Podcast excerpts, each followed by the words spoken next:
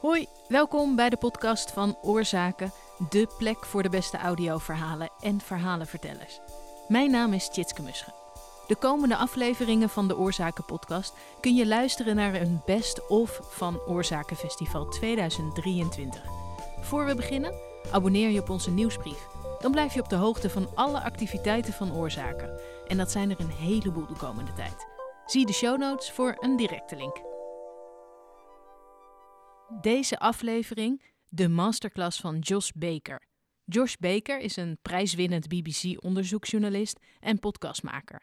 Hij is bekend van onder meer de podcastserie I'm Not a Monster. De Shamima Begum Story kwam afgelopen jaar uit. Een 15-jarig Londens meisje dat naar Syrië vertrekt om zich bij IS aan te sluiten. Een waanzinnig verhaal waarin hij heel dicht bij Shamima Begum komt. Maar daar ging natuurlijk een heel proces aan vooraf. En in de masterclass die hij hield tijdens Oorzakenfestival vertelde hij over hoe hij vertrouwen wint en houdt van hoofdpersonen in zijn verhalen. En over hoe je een goede scène maakt in audio. Thank you. Hello.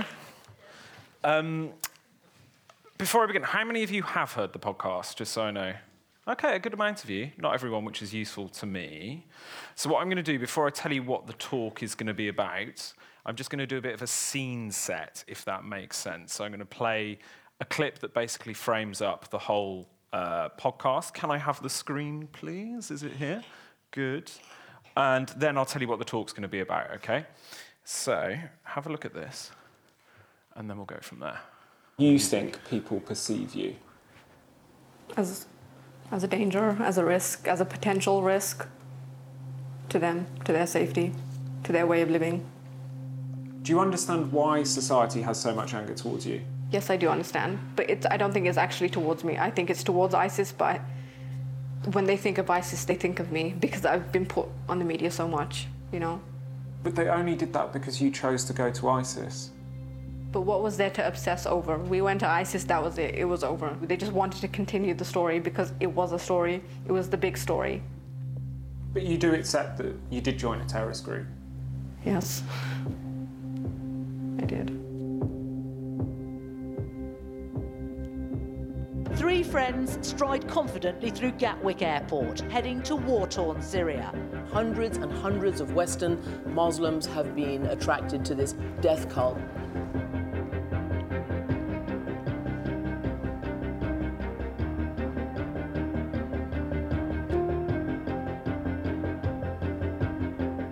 Shamima has become a lightning rod and a polarizing figure. I don't trust her. I think she's dangerous. I think she's radicalized. Was she trafficked? Was she groomed?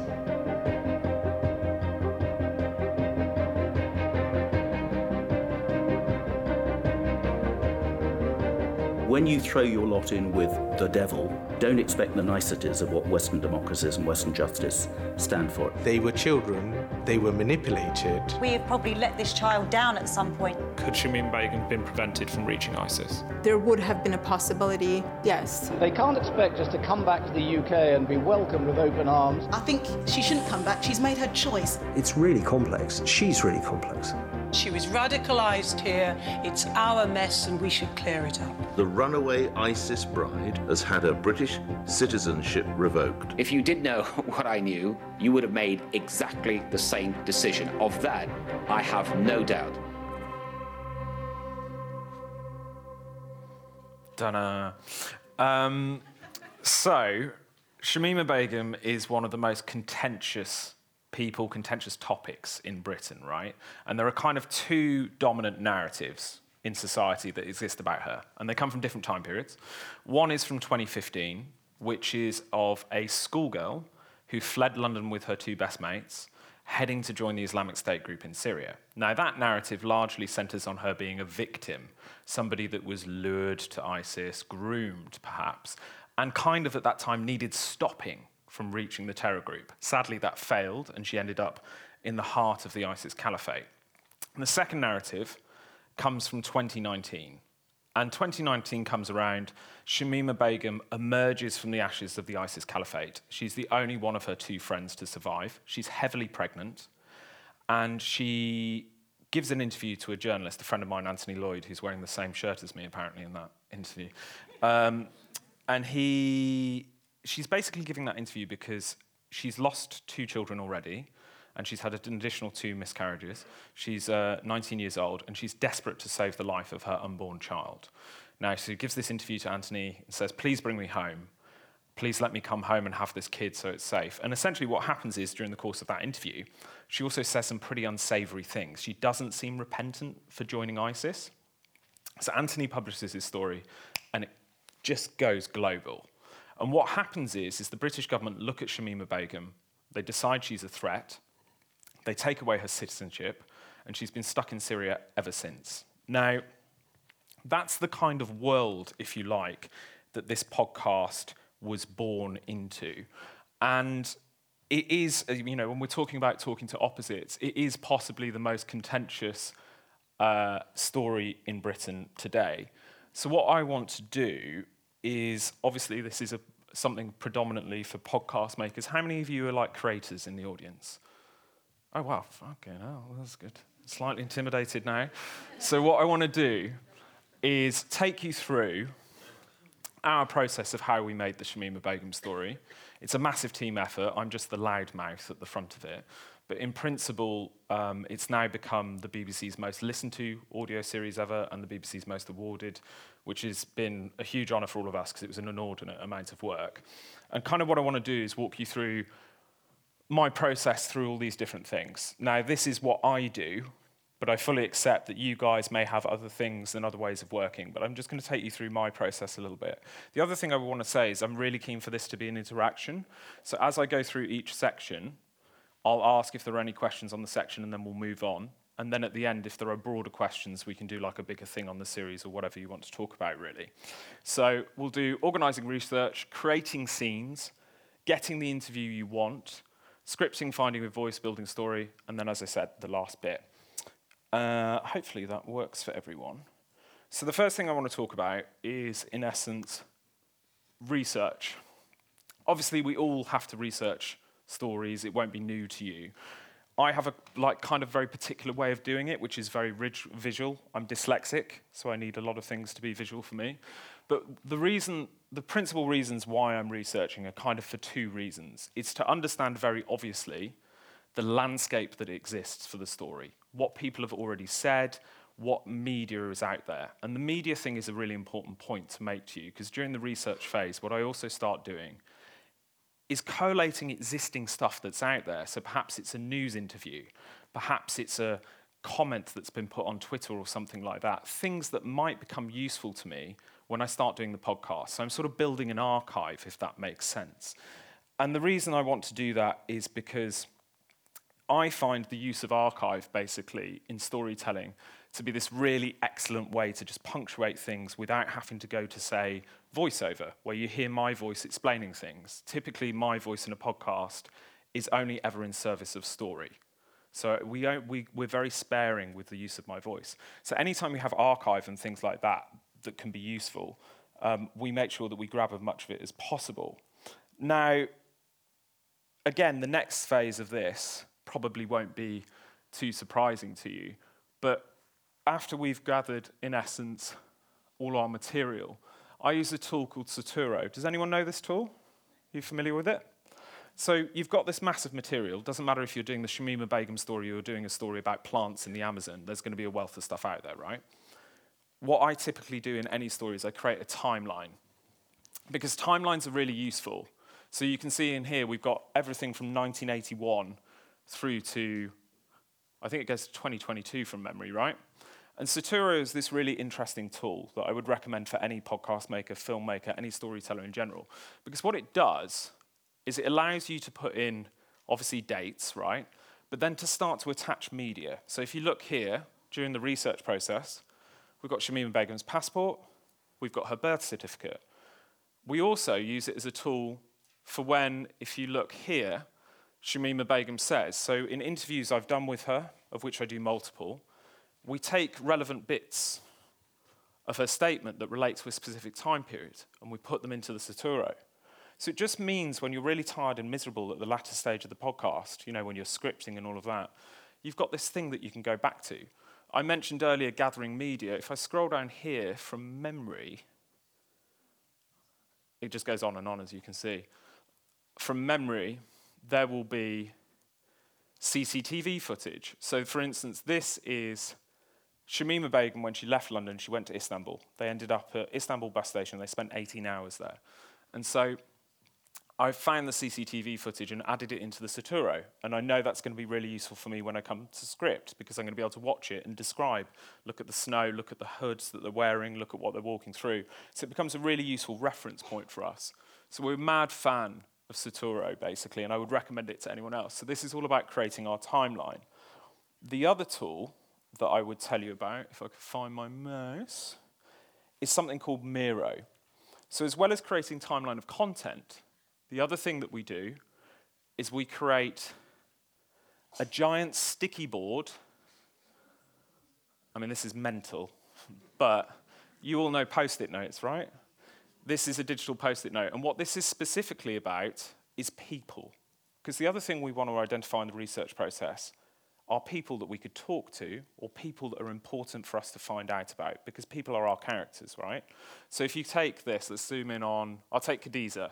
So Khadija is one of the other girls that traveled with Shamima, right? One of the two girls. We've got her names that she went by in ISIS. We've got the men that she ended up married to, how they all connect together. We've got this mental thing over here, which nobody understands because it got so busy. But in essence, it becomes a really, really useful tool for us as storytellers. And I guess what I'm trying to do is it, let me explain to you what I'm doing by collating all this media into one place. In essence, I'm looking for key moments in the story, right?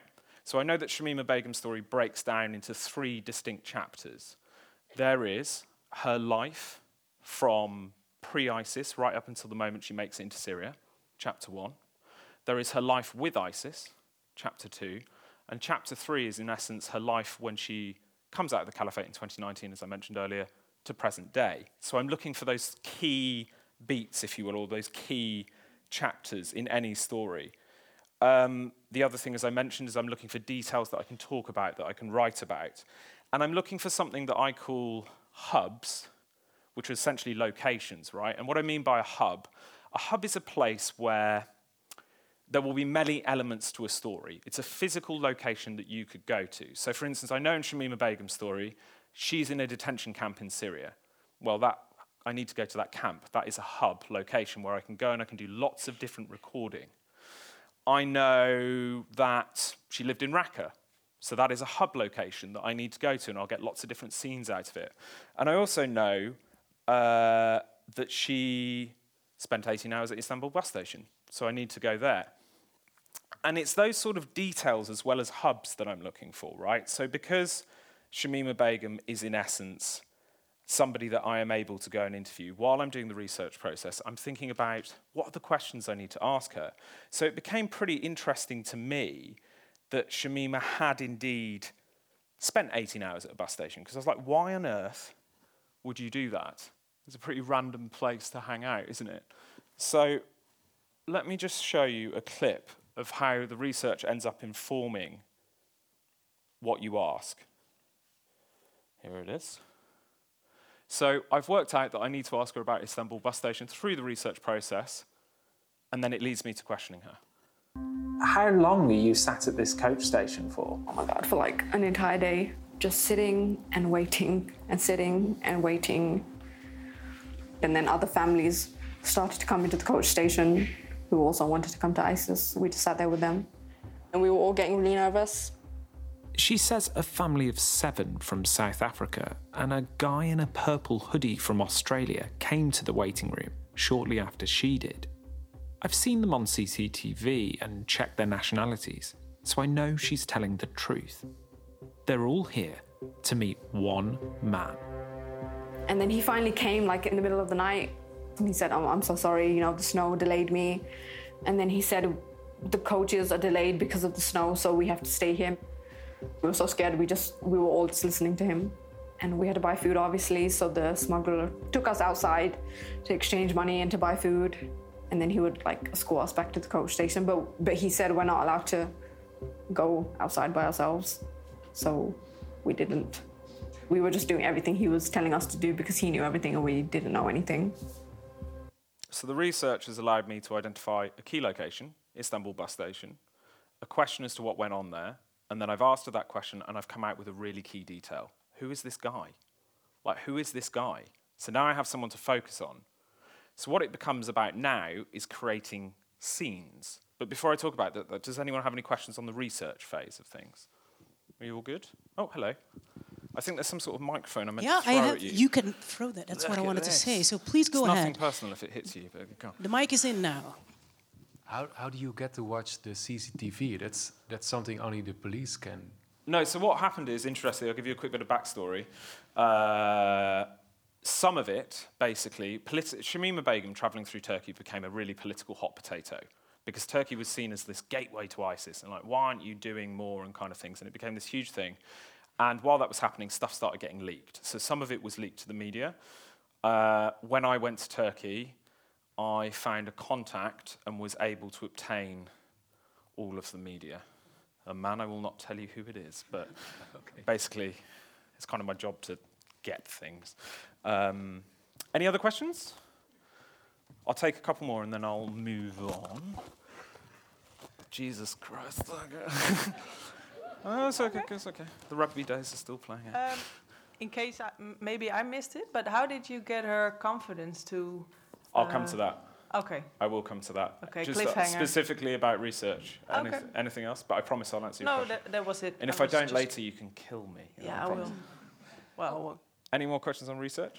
Yeah, I was wondering when you make the timeline, do Yeah. you put in all the information you can find, or do you already filter what? No, I put in the app? literally everything. Uh, this is just, again, what works for me. I love a timeline, and I will put in everything. And the reason I'll put in everything is I don't know what is important. I mean, certain things you know, okay, that's very obviously important, but you don't know later on as you go through the investigation, the story, what's going to become relevant. Um, any more before I move on? I'll do one more and then I'll come back at the end. So somebody randomly take a. Go on, attack. Love this. How long did what take? the research. My entire life. Uh, No, uh, so uh, I suppose it's an interesting one. So on this story specifically, I was there when it started through pure happenstance. So kind of I've been accruing it in my head, but we really started doing the timeline probably. Uh, the timeline was probably built over a period of a year.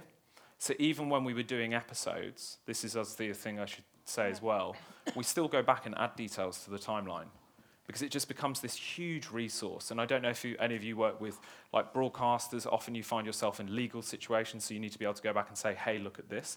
The only thing we didn't put in the timeline is we obtained a lot of classified information and some really like very sensitive stuff which had to be handled very carefully and that doesn't go in a public sphere that comes to somewhere where it's hidden away and sometimes I'm not even allowed to know where it is for witness reasons but to be honest it's something you just constantly Do.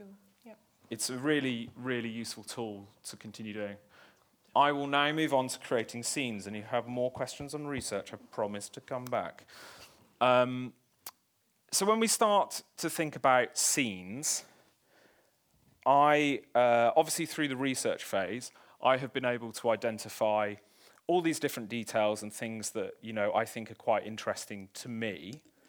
And in, in essence, what I then do is create almost like a shopping list, right? It's a really basic document. And you can do this off the top of your head. You could do this with any story, actually, without the research. You could start thinking about what are the scenes that I need to create for my story.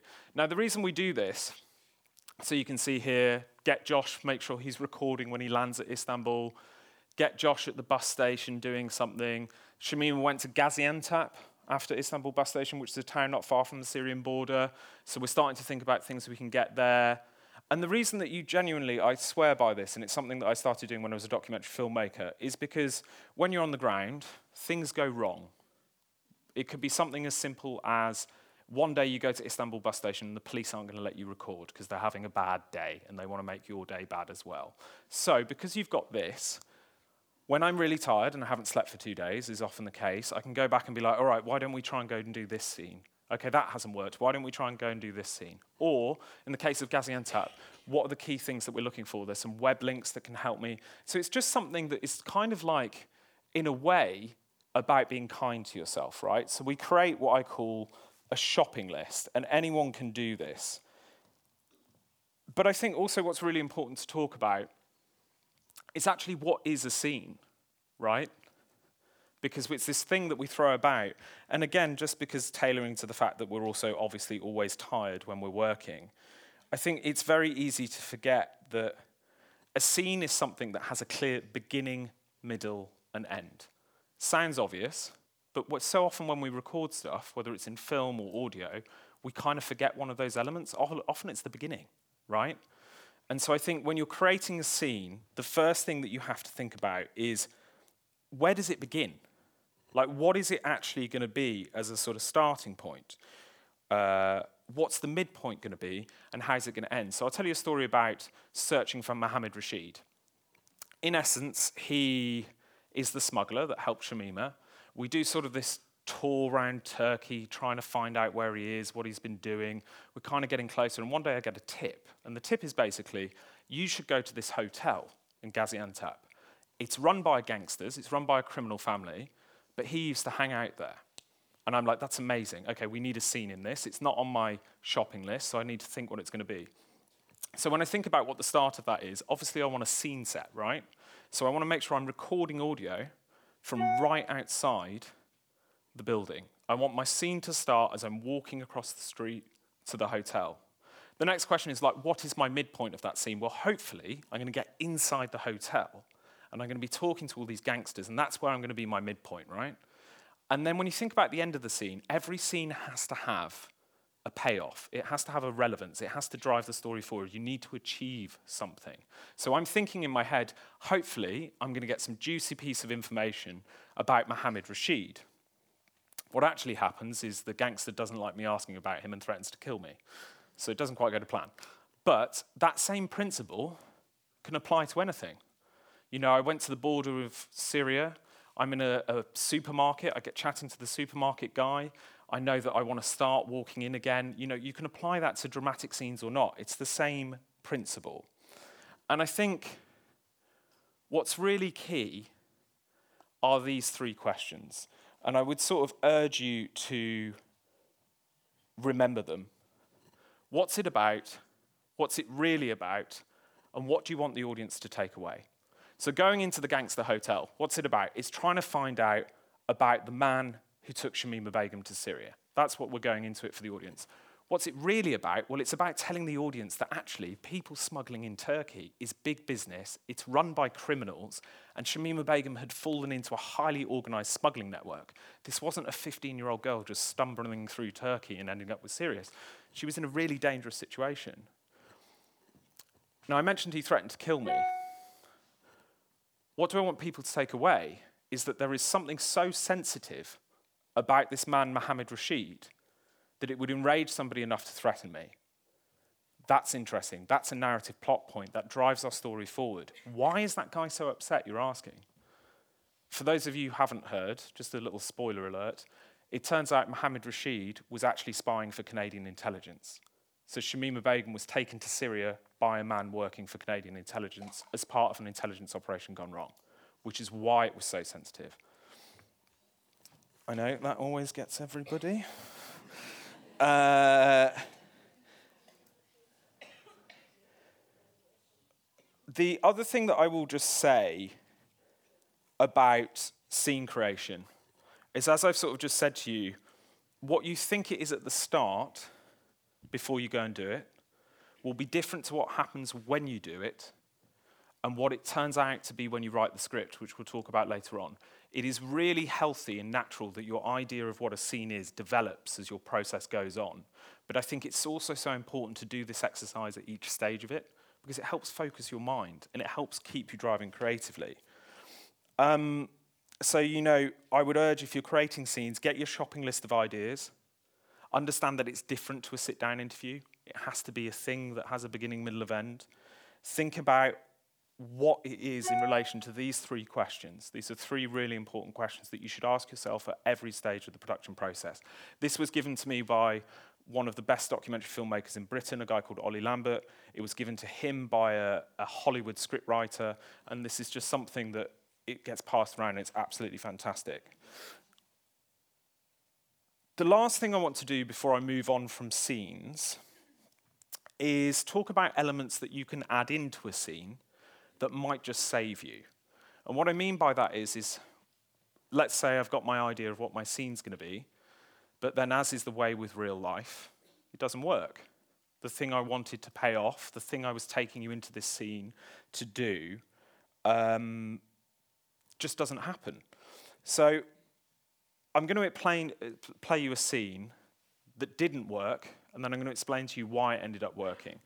And just the context to this scene is um, quickly that when Shamima Begum arrived in Raqqa, she ended up living with an Egyptian man by the name of Abu Kumra. It was a really weird thing. Shamima wouldn't tell me a lot about this guy. I asked her multiple times over a number of years, so I knew there was something about him. She once said he was like a father figure, so I knew he was important. Now, after a lot of digging, we managed to find Abu Kumra's house. So we get there and we sort of find this flat that's been hit by an airstrike. It's covered in rubble.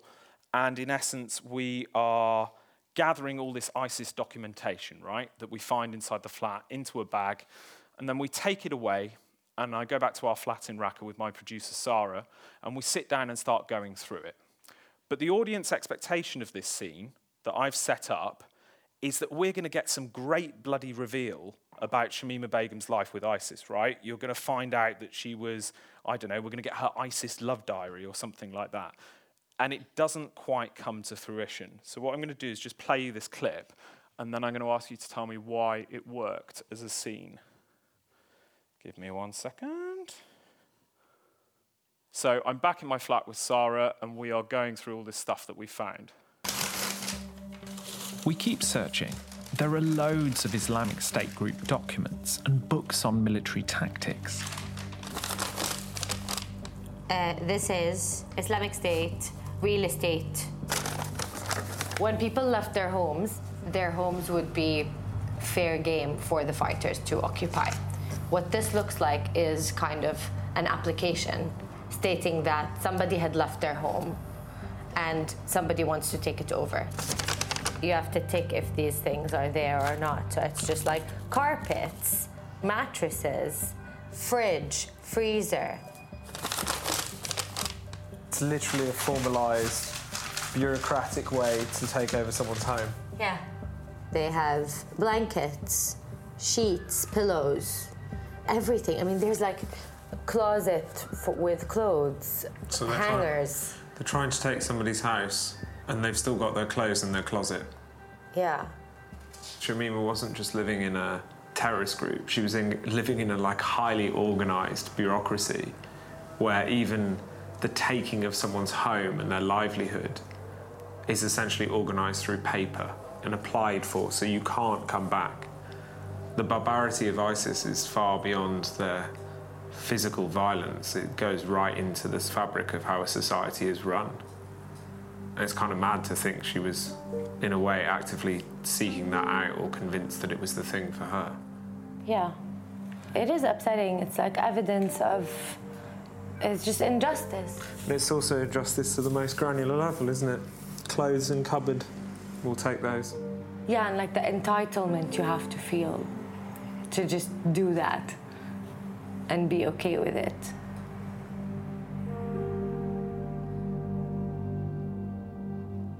While we don't find anything that links directly to Shamima Begum, these documents show some of what ISIS did to the local population.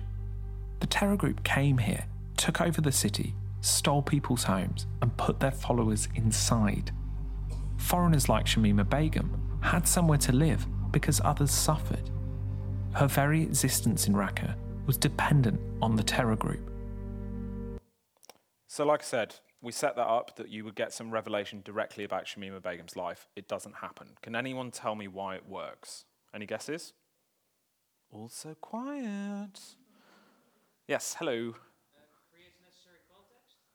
Context is thing, but it's not the key element, but it is what makes it work. So context is the outcome. right? You're completely right. What we do is we don't get Shamima, but we take context to her life. And we tell you that actually, for Shamima to exist here, others had to suffer. And look, it's almost like this formalized process of taking someone's home. So you are right, that is the outcome, correct. But can anyone tell me why it works? Not me.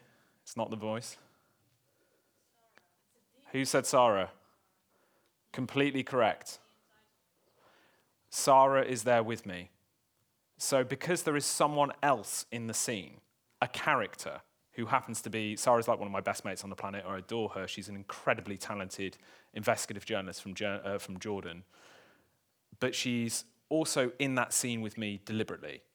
And the reason is we don't know what we're going to find.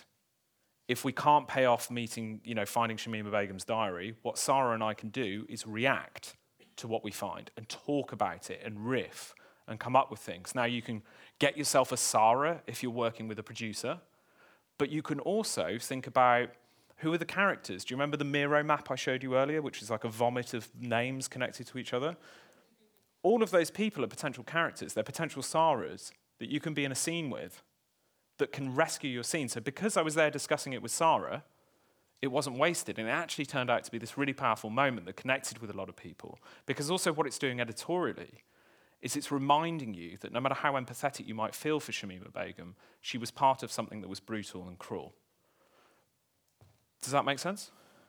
Before I move on, does anyone have any questions about scenes? Oh, sorry, we've got to throw something at you, I think. What is it? it does it work? Yeah. Um, did you prepare it purpo- uh, on purpose so that she was there? Or yes, was it, yeah, yeah, yeah. yeah. Massive conscious decision. Okay. I knew that so much of going into that building was going to be about the experience, and I really wanted to find something about Shamima Begum, but I didn't. So I needed a plan B because we needed to show the demonstration of doing the journalism and finding the house. Having her there, totally the thing. I do it in Turkey with another lady called Zeynep. Uh, in series one, I do it with a guy called Mustafa, who's a local Syrian guy. So depending on the episode, I'm always looking for like who can help me on my journey, and yeah. who becomes a character that allows us to continue moving forward, doesn't feel like it's thrown in randomly, but also protects our ability to tell the story. Any more? Oh, lady over here. Uh, it worked.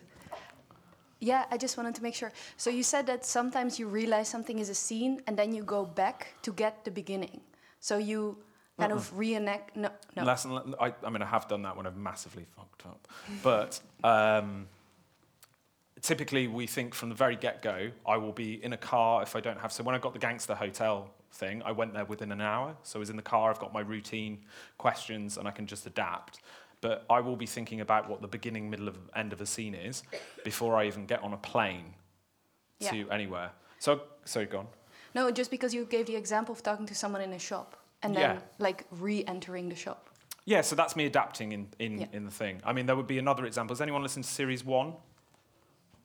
Okay, so very quickly, series one. There's a beautiful kid called Aham who was a slave by Sam's family, and I went to meet Aham thinking that I was going to get some amazing testimony about how bad Sam was. Turned out that Sam had saved Aham's life. And so that scene changed, and the way that I had to approach that scene did require me to do what you were talking about, which is to retrospectively go back and think about how to restart it, because the setup to it didn't work. So that does happen sometimes, to be fair to you. Hello. One more, and then I'll do the more on the end. Could you throw it at the back of this lady's head? Really hard. There we go. sorry for going on. Someone. Sorry for going on about this scene, but just to understand correctly, mm-hmm. so the moment you climb into the house because you need to put a ladder on a van and it's really complicated, you preempt. Thank you for listening. pleasure.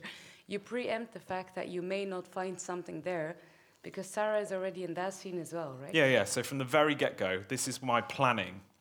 Right. Um, we hired a flat in Raqqa. We were living in Raqqa. And I knew we were going to Abu Kumra's house more than 10,000 buildings, it's, I think it's 11 now, were destroyed in the fighting for Raqqa. And I know the likelihood of me actually finding a piece of evidence about Shamima Begum is very little. So from the very first moment, I'm like, how am I going to make this work with very little? And it actually turns out to be one of my favorite moments because it's just like, wow, look at ISIS's bureaucracy. I had no idea. I mean, I spent years looking at ISIS, I had no idea they had this formalized paperwork for taking someone's home. Any more before I move on? Hi. This is your moment to like clear the audience. I'm expecting a big throw here. Oh yeah, I have. I found. Oh yeah. Oh, sorry, sorry. what a shame. Hi. I actually have a question about um, call. Oh yeah, calling the the people you interview uh, characters. Yes. I was wondering, isn't it reductive? No, like not at all, because you have to remember that there's different things, and we'll come to this when we talk about getting the interview you want and the ethics and morals of interviewing and all of that jazz. But you have to remember fundamentally you are also a storyteller, right? So Josh Baker is also a character. And you have to think everything you do is in service of story. Your moral obligation here is to tell the story honestly and properly, right? So it works for me, it doesn't have to work for you, but what I tend to do is think about okay, what is character Josh Baker doing? What is he doing? Because everything I do is in service of the story. Okay, I've got this character that is, you know, Sarah, and I'm moving these elements about in my head as I make scripts and things like that. So it's just a terminology that's really different. Uh, so that's just useful for me when writing things. If I'm talking about what I would just say, if I'm talking about survivors of sexual violence, who I often spend a lot of time interviewing, I would never apply that term. It just takes on slightly different meaning in my head. And that's also because it's about putting my head in a different space in terms of how I handle that interview, which we'll come to. But did that answer it, or did I duck it? Well, I just wonder if, if you isn't there a risk to reduce people to like real people to plot plot points into no, a narrative or a script? Because like we do so much uh, safeguarding, contributor care, assessment of interview, so much review of how we do people. But at some point, you do have to remember that you're not the news, and you are telling a story. So again, this is just what works for me. So there is a period when I will be thinking about what is this narrative doing? What is this person's narrative? What are the key points I need so I can create a series, right? That's very different to when I'm with the person face to face and I'm talking to them. And then it's always about seeing the human being in front of you, whether they're a card carrying member of ISIS or whether they're a survivor of their genocide. So it's just a period where like I think about it in that way. You don't have to do it we have all these checks and balances for safeguarding, whether it's with children and things like that. I take decision making ability away from me when it's involving children, and we bring in somebody that's independent and let them check all my work. So we have all these infrastructures for safeguarding. But I take your point. Totally. Did that answer it?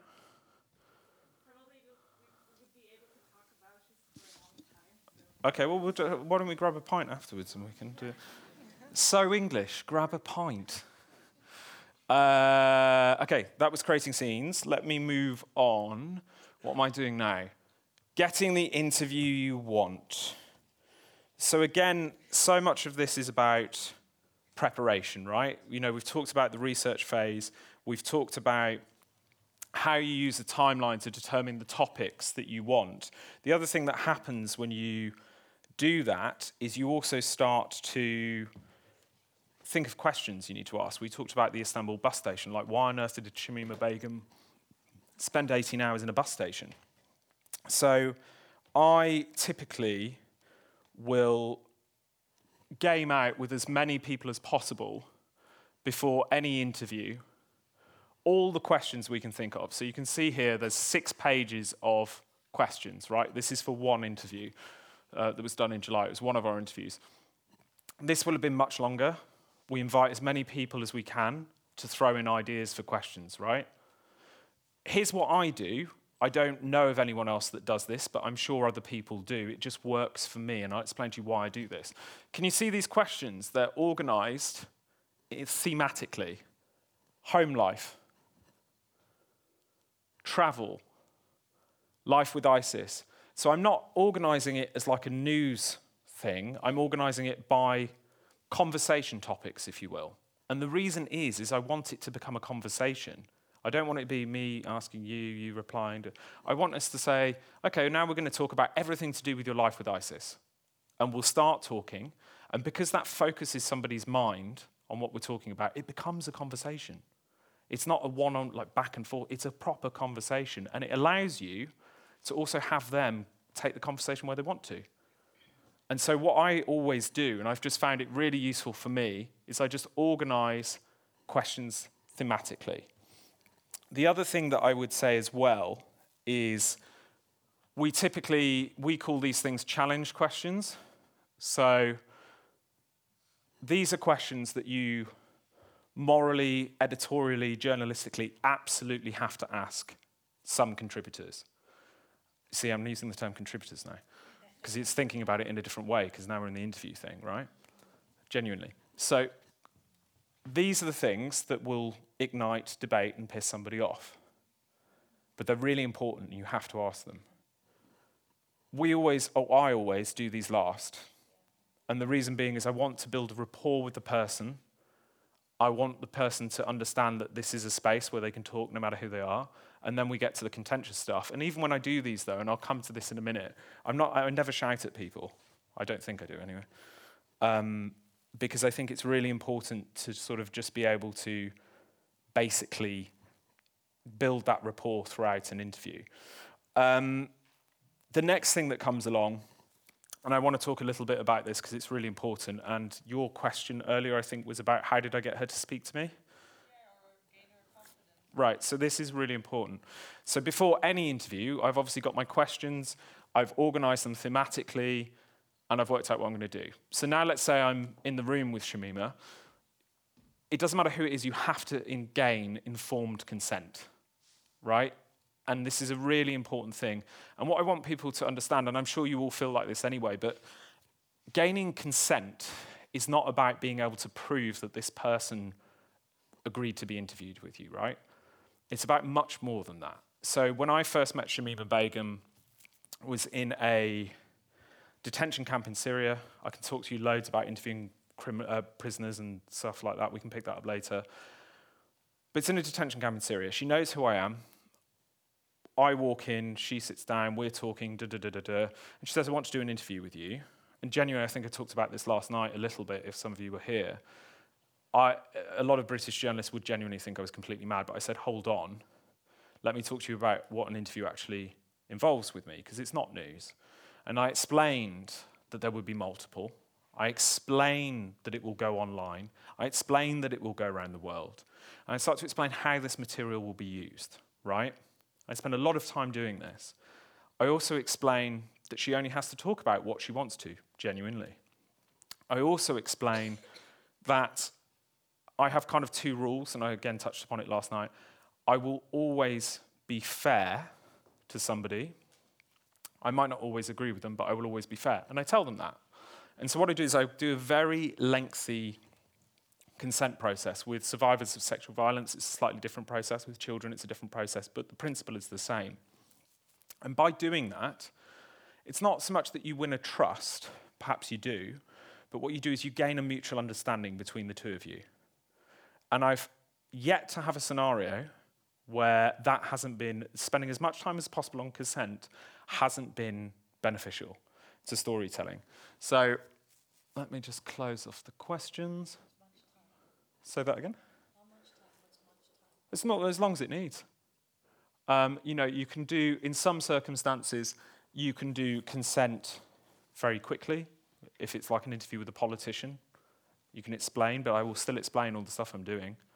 Um, one of the questions I sometimes get as well is like, do you tell people the questions you're going to ask them? Absolutely not. Uh, editorially at the BBC, they don't allow you to do that, or they're not meant to. Regardless of that, I don't do that. I might say these are the themes. We're going to talk about your home life. We're going to talk about your time with ISIS. But I never tell somebody the questions they're going to be asked um, because it allows them to prepare it doesn't make it honest, in my opinion. So it's not something that I personally do. Um, the other, so let's say you've gained your consent. This is a this is a, a thing that I think again it sounds obvious, but I think a lot of journalists forget this, and I probably do as well sometimes. We obviously know that one side of interviewing is asking questions, right? The other side is listening, like genuinely, actually proper old-fashioned listening. The best training I ever had for interviewing people was nothing to do with journalism. It's when I worked in the NGO sector. I'm sure you have this, but we have a charity in the UK called Samaritans, and it's basically like a helpline you can call if you're feeling perhaps suicidal or going through difficulty. Do you guys have something like that here? Right. So I volunteered for a version of that while I was at university. And if you think about that, what that involves is people ringing you up when they're having a really tough time. And you have to have a conversation with them, but you have to have a conversation with them where you're not allowed to give them advice. So you're not allowed to tell them not to do something, right? And you have to listen to them, but you have to sort of guide them to making decisions for themselves. And I would urge anyone, if you have free time or anything like that, for just, you know, it's great for society, but also if you want to practice interviewing, to spend time volunteering doing those things because it will change the way you have conversations. And there are some sort of key principles that come out of active listening. Active listening is different to listening where you're just being quiet, which is what you're kindly all doing. Thank you very much. Active listening is about also engaging with the conversation, but doing it at a minimal level. So one of the things that I think is key, well, there's three things I think are key to active listening for me. It's maintaining a neutral tone. So if I'm active listening, I'm maintaining a neutral tone. I'm not being judgmental. Um, it's repeating their language back to them. So if they have said something in an interview, I'll repeat it back to them as part of my question. It does two things. It's called mirroring, is what the FBI call it, or the CIA. But essentially, you're mirroring their language so they understand that you are listening to what they have to say. But you're also kind of keeping the conversation within the realms of what they want to talk about. Um, the second, th- the third thing that I think is really important is basically we talked about those challenge questions, the really hard, avert ones at the end a way to do those in interview without causing them to storm out or what have you is kind of to ask them about their decisions, right? So ask them about the choices they've made in a way that's neutral and allow them to start to explain those choices to you. What I want to do now is we played a little bit of it last night, but I'll play a fuller thing now. Is I want to show you a clip from an interview with Shamima Begum's husband, and I want you to watch it with those things I've just told you, right? So I'm doing in this specific interview all of the things I've just described to you, and it has a pretty interesting effect. So this man is absolutely still fanatically within the mindset of ISIS. He's an extremist, he's very dangerous. And I'm trying to understand his perspective on married life to Shamima. So I'm just going to play this for you. She, she had got a little bit of understanding about how the marriage life works so that helped her out a lot. What were those sort of values that she'd come to understand? Uh, respecting of the husband, uh, trying to please the husband, obedience, of course. Obedience to whom? To the husband. To the husband? Yes.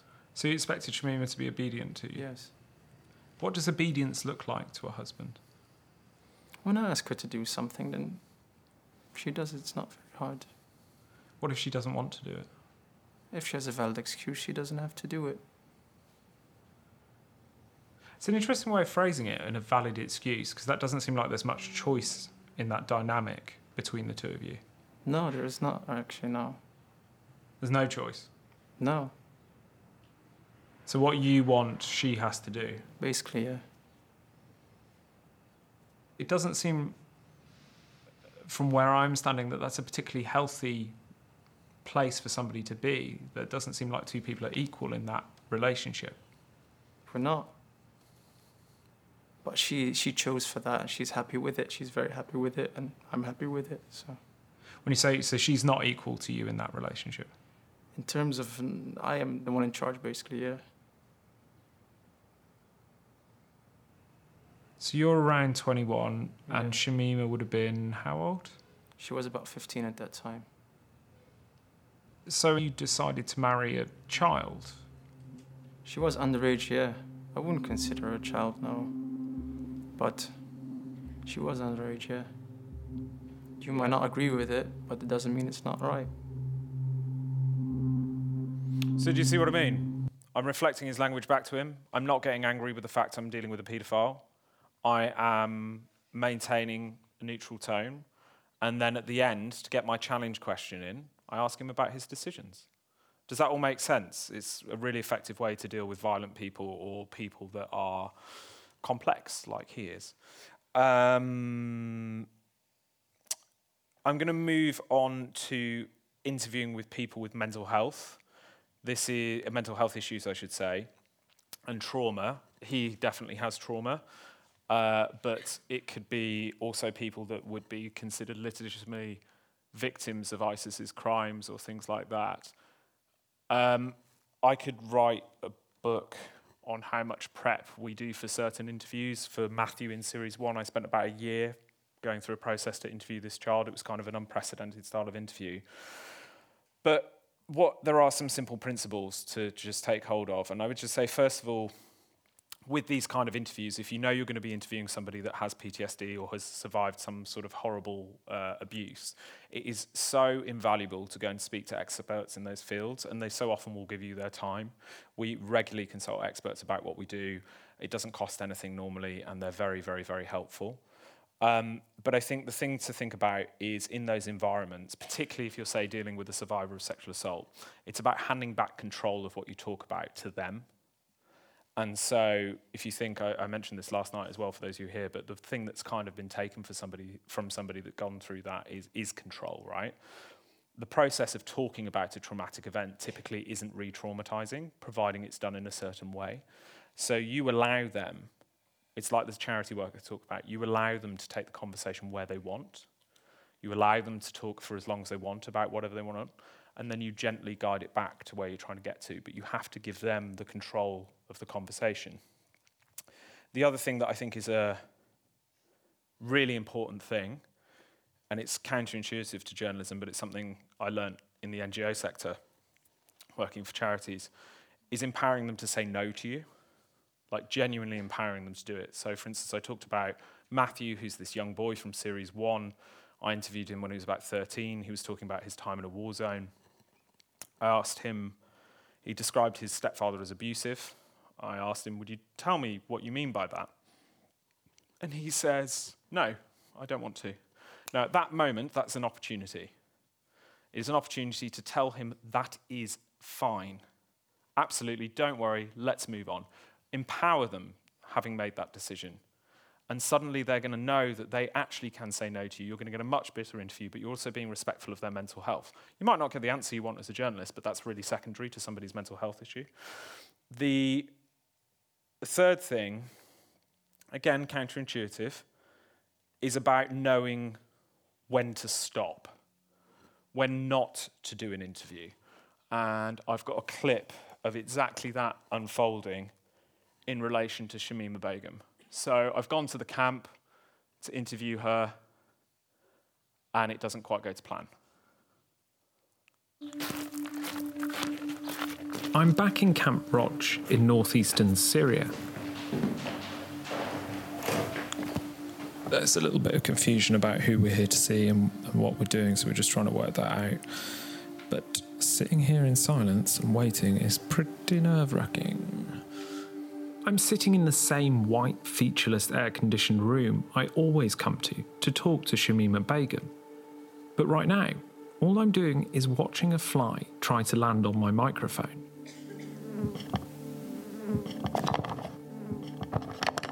My interview with Shamima Begum is delayed because another woman who was with ISIS is being taken out of the camp to be flown home. Glasses on today? How are you? Shit. Just shit. Why do you feel like that? No, not better. You okay? Yeah. Want to take five minutes? Um, yeah. This is quick, so I'm just going to stop it for a sec if that's Yeah. okay with you. Yeah. She starts to cry, is clearly embarrassed, and runs out of the room. I find her a few hundred metres away, sitting in the dirt, slumped against a tent. She's almost catatonic, staring blankly into the distance.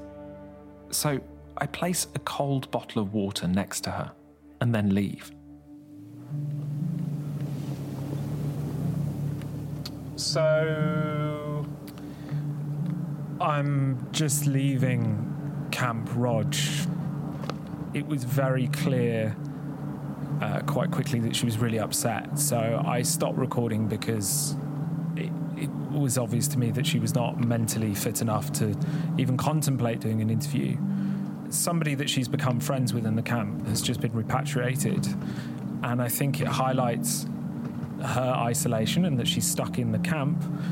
And I think the enormity of her situation probably caught up with her today. She's no longer British citizen, and the people she gets close to are getting out, and she's not. So when she came into the room, it was very apparent to me that she was distressed. I could see that she wasn't herself, and she started to cry. Other journalists might have not. It's not to say I'm better, I just have a different technique. Might have continued that interview. I chose not to because I was prioritizing her well being, even though she's a member of a terrorist organization, over the interview. But actually, what unfolded because of doing that, I was again able to gain greater context as to why she was upset. And actually, it was indicative of the bigger point here, which is everyone else gets to go home.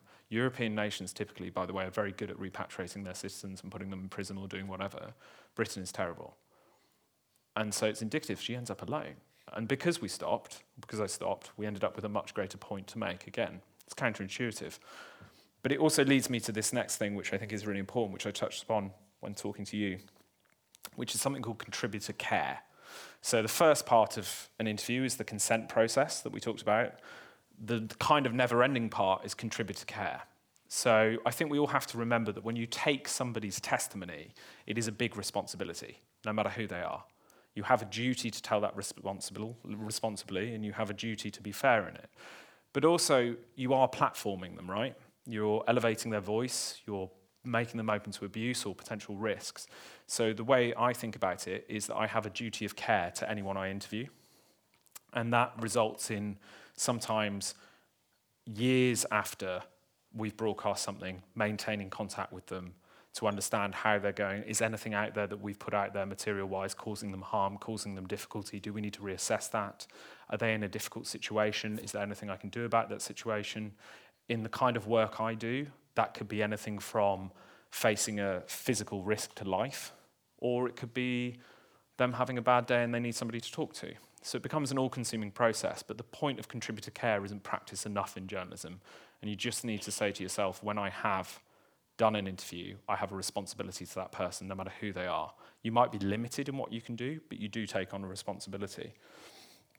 Um, so we've done sort of like questioning, thematics, listening. The other side of interviewing for me is direct questioning, which is much more on the nose. It's much closer to probably what you see on news channels, news TV anchors doing it, where you have less time. But in narrative podcast, I think it can do a really useful thing to you. It can allow you to sort of bring the audience in on something. You can use it as a way to give them context. So, what I'm going to do is I'm going to play you a clip with a former Canadian intelligence officer who was in the service at the time that Shamima Begum was taken to Syria by a Canadian asset. And I know in the interview before we got there, I know she knows exactly that Mohammed Rashid was a Canadian asset. I know she knows the agents that ran him. There is all this context that I know she knows that she can't talk about because if she does, she will go to prison. So I have to think how can I let the audience in on that notion? And so, what I do is I come up with some very direct questions at the front of this interview, which you'll see, which basically allow the audience to kind of be like, okay, so she does know and she's lying, because she has to. And if you just watch this, you'll see what I mean. Do you know if Mohammed Rashid was a Canadian asset? I do not. But if you did know, you wouldn't be able to tell me, would you? No, I would not be able to tell you. So now we know she's lying. A very senior serving intelligence officer at an agency has confirmed to us that Mohammed Rashid was indeed providing information to the Canadians. How do you feel about that, hearing that?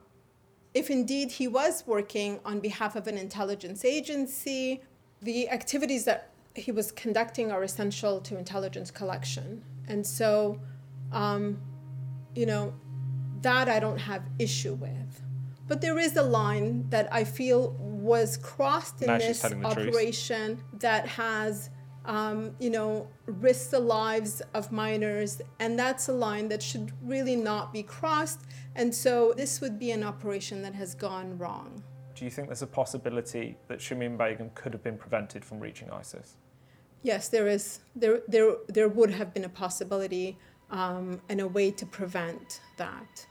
So by using direct questioning, I let the audience kind of in. You'll do the maths yourself on the, the subtext to this interview. And I think the other thing to think about is like, don't be afraid of direct questioning. I hate it sometimes. I don't like, I'm not particularly worried about confrontation, but I don't like being cruel. And I think that you get direct questioning wrong, it can become cruel, but it can be a really valuable tool uh, in the interviewing landscape, as demonstrated there with Huda, who, by the way, was an impossibly difficult interview to uh, edit. She spoke tons more. It was really hard to cut her down like that, but the content of what she said was great.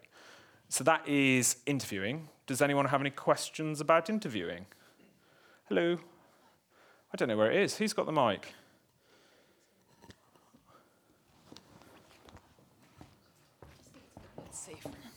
Thank you. Was just wondering, it's probably for a bit of a different type of interview, but some interviewers um, ask the interviewee to kind of repeat the questions so mm-hmm. that they're not in the uh, in the audio themselves, but I think it can become a bit fake.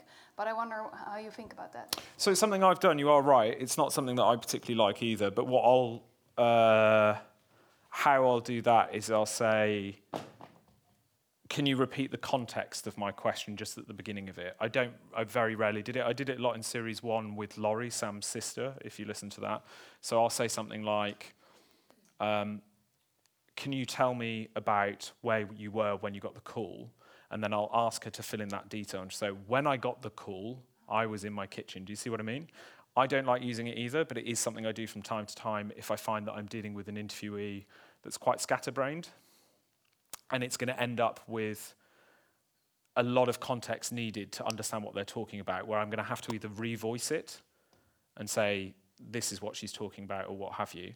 And it's also something that you can use sometimes when dealing again with somebody with trauma because it just helps them ground what they're talking about. But it has to be used very carefully. I'm not a mad fan of it either. Good question, by the way. Over there. Can I throw halfway first? Uh, as you like. I just the basket MBA of interviewing.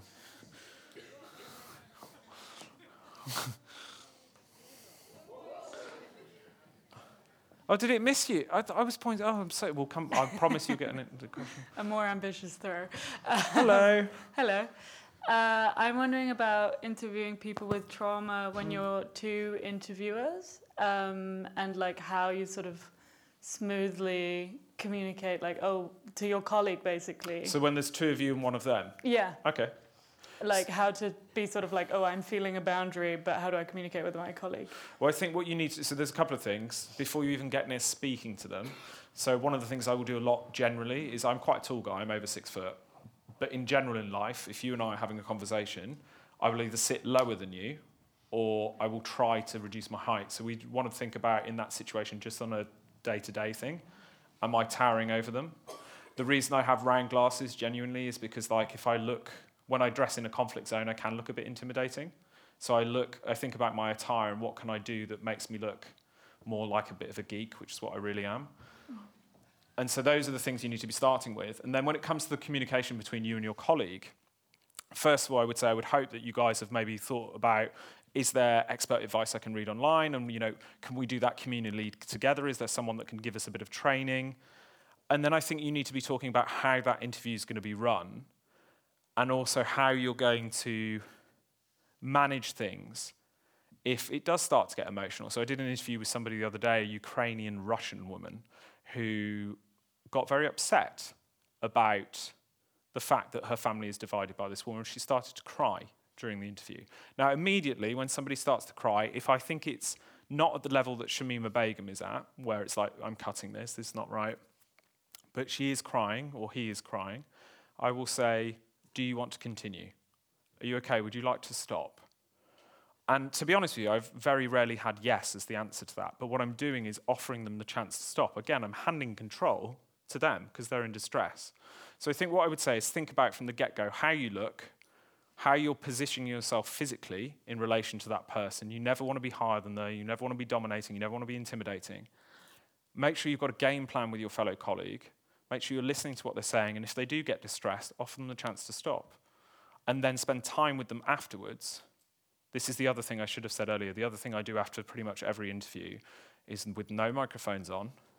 I have a cup of tea, we chat, and we bring it back down to a level of like, let's talk about fishing or like taxis or just normality. And again, I will do that for as long as needed until I feel like the person is now calmer because interviewing is exhausting. It's an emotional journey. Sorry, did that answer? So, one of the things that I've sometimes done is if you're sat at a table, we can touch each other's feet. So, literally, we can stand. no, I'm serious, but we can stand, do on each other's feet. We do that sometimes. And I think if you actually need to interrupt, um, it depends on the context of the setting, but you could say something like, I think we could ask that question in a different way. Or I've actually got an idea about that that I would like to pick up on.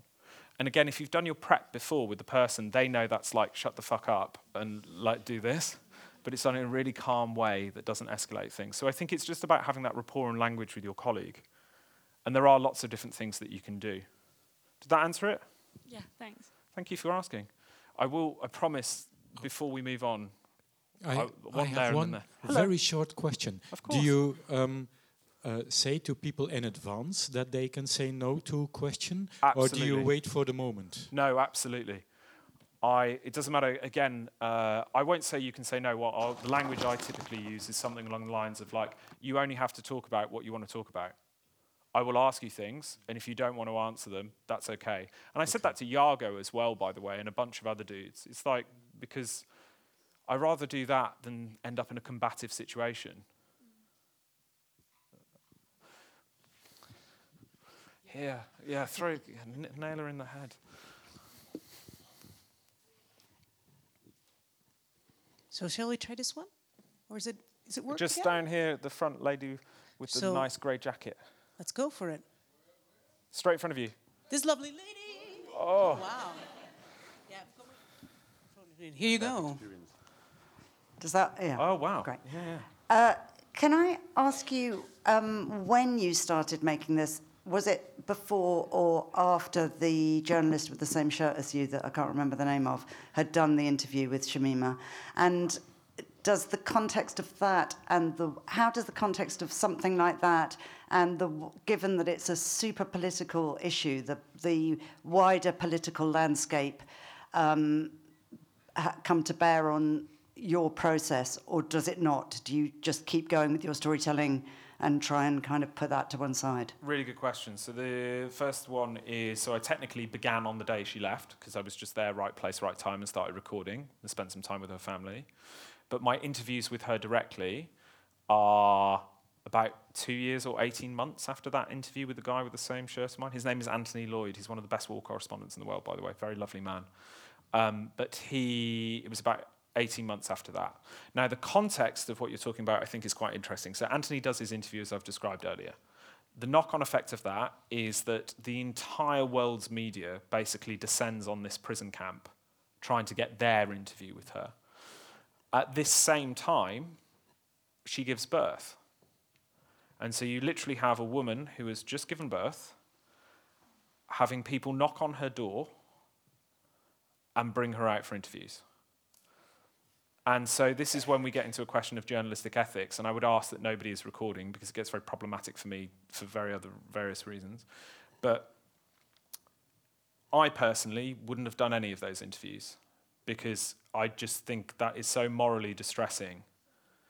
And she, you can watch those interviews, and I understand the public interest, but I think there are very different ways that those interviews could have been done. And I think one of the most abhorrent of all of them, which is what Anthony Loyd, the guy with the same shirt as me, would call a predatory form of journalism, is there's a moment where I think Shamima Begum's son is probably about 13 days old, 10 to 13, somewhere in that window. And she's just lost her citizenship. She doesn't know. And the journalist decides to bring her into a room, sit her down, and then put the letter in front of her face. Now, bear in mind, no matter what you think about Shamima Begum, this is a woman that has just lived in a war zone for four years, who has seen abhorrent things. Yes, she's been part of some of that, but she's traumatized. Her one hope of saving her child's life, who's in her lap, is her ability to come back to the UK. That child ends up dying, by the way. And in that moment, that journalist does that. And he does that because he thinks he's getting a big scoop. He doesn't do that because it's in the public interest. So she went through a period of really awful interviews. And if you listen to episode I think it's episode eight, it might be nine. Sorry, it's been a while since I wrote them. We cover all of that. And how does it affect what I do? Well, I ask her about it.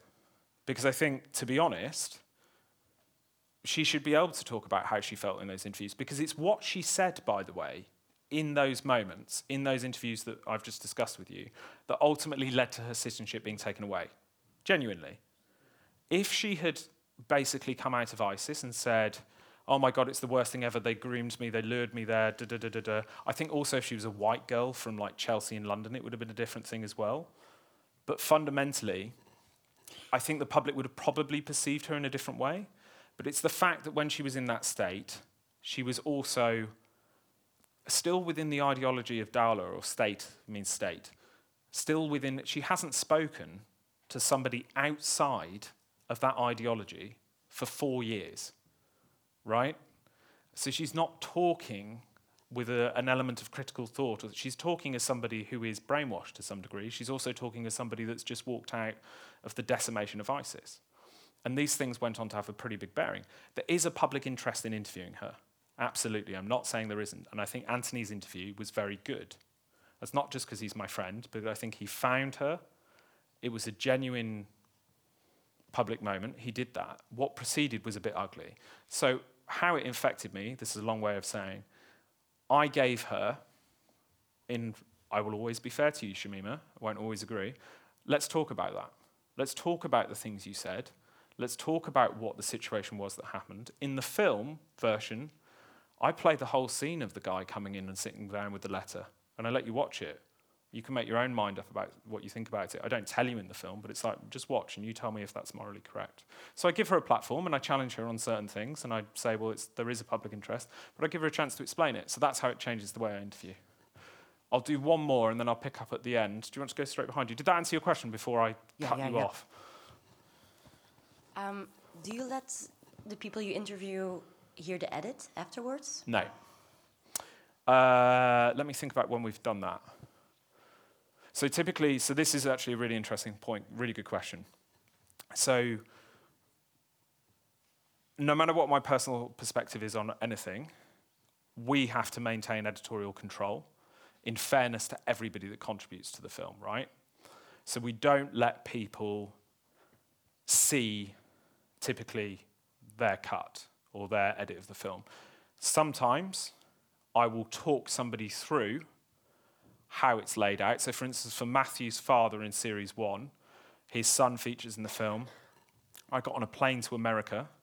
I went and sat with him for a couple of days, and I talked him through every single scene of the film and how it would work, so he could understand that his child was suitably protected.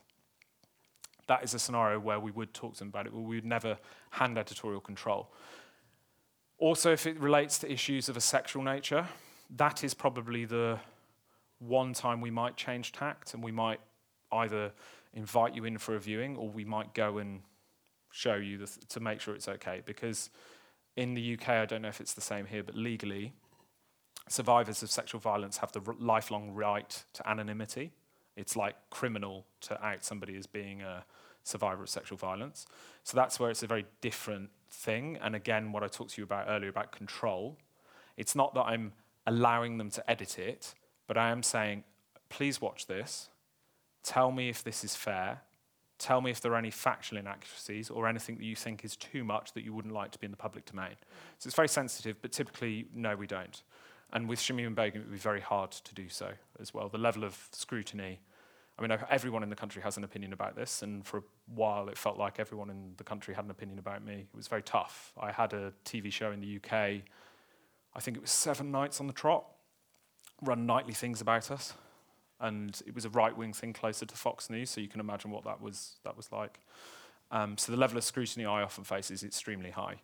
We even had members of the British government being silly, so it was very interesting. Does that answer your question? Yeah. Cool. Let me move on because otherwise I will talk forever. Am I about to run out of time? I've got five minutes. I'm technically going to need longer than five minutes. uh, so I'll try and rattle through this very quickly.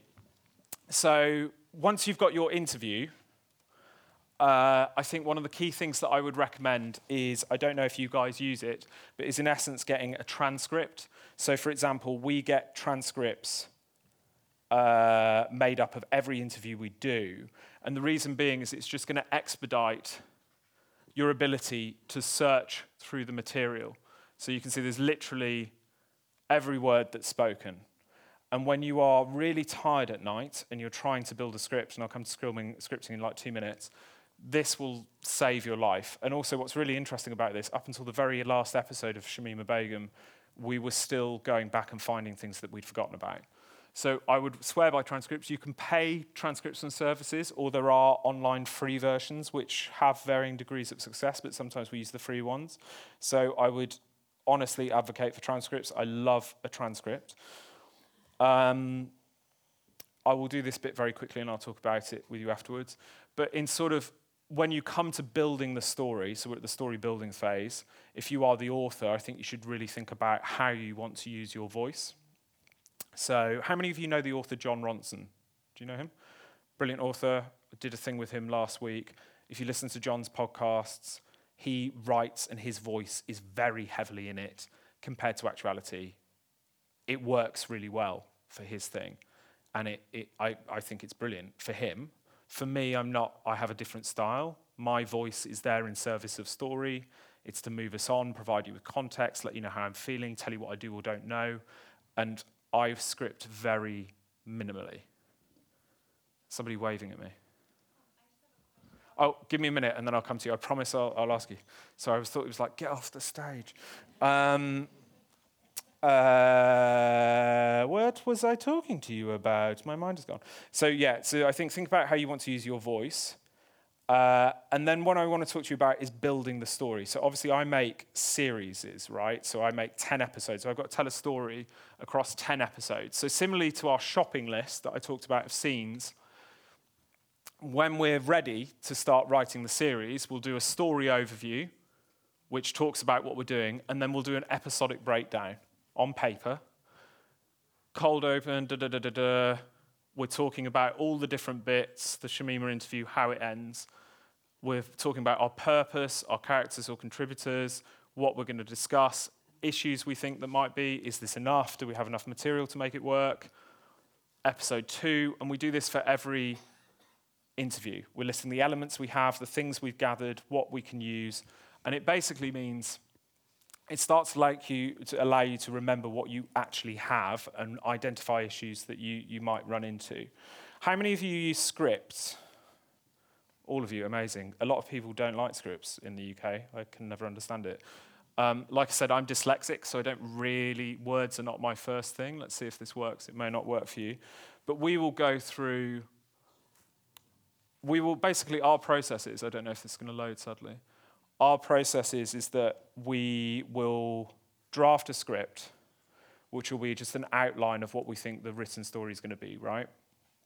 And we'll go back and forth on it several times. And then when we start to think that we've got a rough draft that works on paper, we'll do a read through. Then we'll go through again. And then we'll do an assembly. So then we'll start getting our audio and we'll put it down. We'll listen to it. We'll realize the, the paper script is rubbish and doesn't work and then we'll cry a little bit, and then we'll go back and we'll do another version. And then when the, the audio uh, starts to work in relation to the topic, this is how we structure our scripts, by the way. We do cell numbers, tape is like where it's from, and then obviously what you are. People structure their scripts differently. So we'll do that process. When it sounds like it's working, we send it to the composer if you're working with a composer. If you're not, then perhaps you're bringing in your audio, and we give, we create a sort of listening copy, right? Now that's a really important moment because as soon as you have a listening copy, I would urge everyone to just be so confident with sharing it with as many people as you can, and share it with people who have nothing to do with journalism or don't know the topic. Like, be brave, because ultimately you're creating it for an audience and you need a broad spectrum of opinion. So once you do that, you'll get those notes back and you'll end up inevitably feeling like you fucked up and you feel really miserable. Uh, and then we'll do redrafts and we'll do redraft after redraft after redraft. And if you look at this script, this is the final script or near final script for episode one. We've rewritten this top to bottom 24 times. And typically, I find that the first and last episode, or the first two or three episodes, will go through the most number of drafts. You get later into a series, you're probably doing the minimum I will do is seven. I think I probably, as an average, do like 10 to 12 drafts of a script on average. And it's a really healthy process, and you just keep going through. The last stage that we do is that we uh, do our legal, editorial, fact check, make those corrections. Then we realize we hate it, burst into tears, and publish it. That's kind of the general process. I'm trying to be a bit quicker now so I don't run over. Does anyone have any questions about scripting? Hello. Yeah.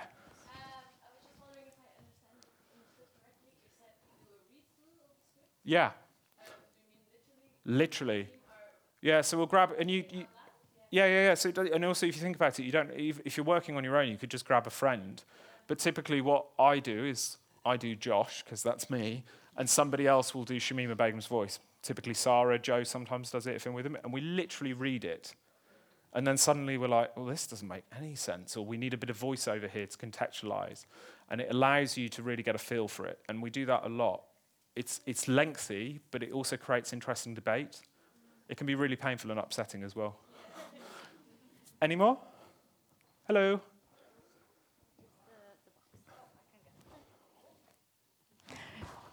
I was wondering if you're in this phase of the scripting, do you already have all your interviews, or if you make that there will be like holes in there and you'll be like or gaps i mean sorry gaps that you're like oh we still need to get this from an interview and go back? Or is this in a later stage? Uh, so it's a good question. So typically we'll get I like I'm mad about transcripts. Lots of people don't like them but I'll we get transcripts yeah. Yeah because it just makes your life easier.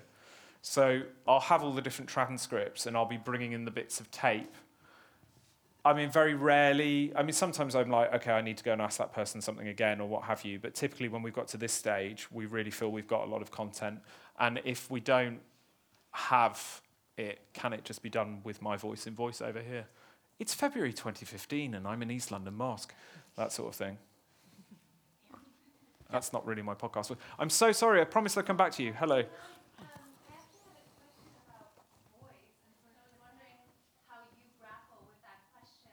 Which question? Like why I'm doing it, or? Well, in relation to Shamima Begum, I was there in 2015, and then the flip end of that coin is she wanted to give me her testimony. She didn't want to give it to any other journalist. That's her decision. I still don't exactly know, to be honest with you, why she picked me, but she did. Um, so there's a certain authorship and agency. Also, if you think as well, I've spent the best part of a decade speaking to terrorists, understanding ISIS. My depth and understanding of their society constructs is really helpful because it means when we get allegations like Shamima Begum being part of Hisbah, ISIS's religious police, a lot of people jump on that because it sounds sexy and interesting. But if you know a little bit about Hisbah, you know that there are certain requirements to be in Hisbah. You have to speak Arabic. You have to have a really decent knowledge of the Quran. You would have been part of a certain unit. You would have been reporting to certain people. You would have been based in certain places. So when you have that knowledge base, then you can look at that issue slightly differently, if that makes sense. So when it comes to like terrorism and this sort of stuff, it's a specialty of mine. I do lots of other stuff, but I do terrorism and conflict as a specialty.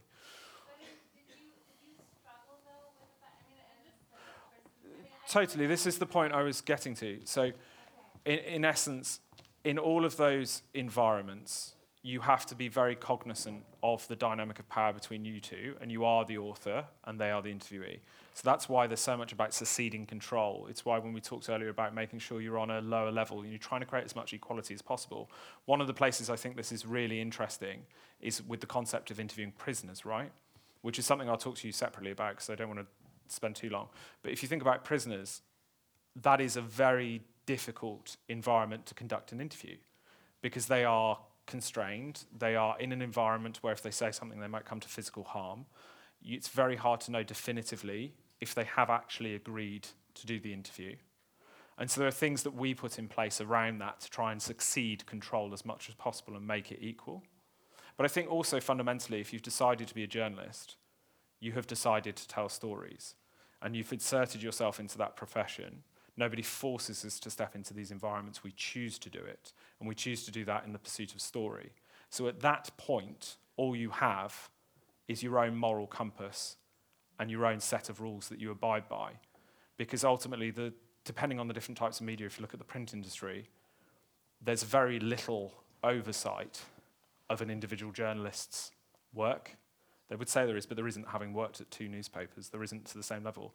The unit I work in, like everything, the amount of scrutiny I face before anything goes online, you want to be wrong before you publish, right? So, for instance, I wrote an article for this, the Times Magazine in the UK. 13 people had to review it before it could be sent to the Times.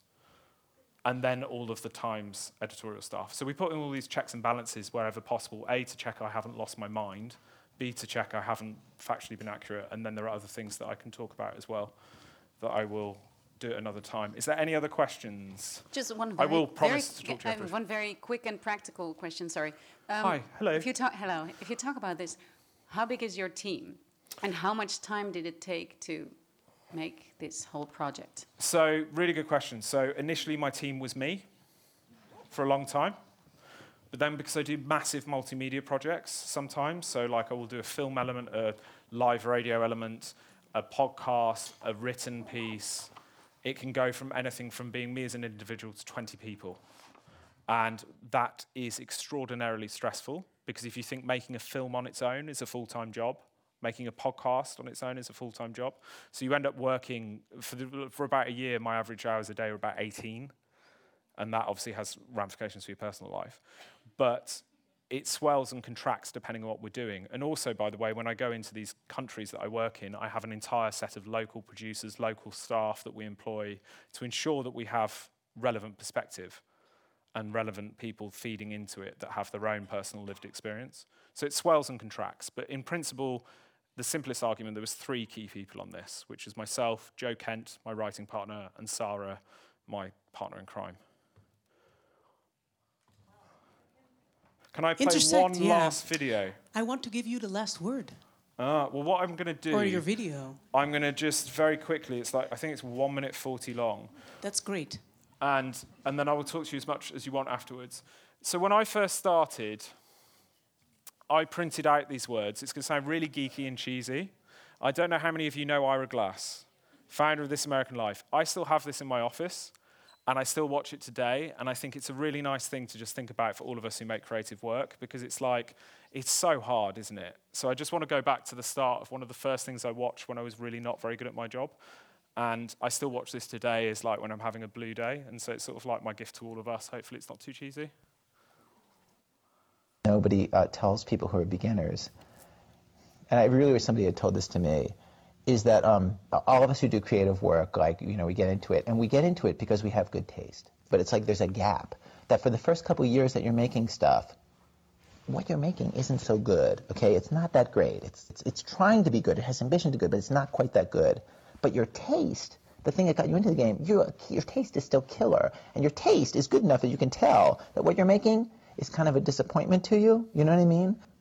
A lot of people never get past that phase. A lot of people at that point, they quit.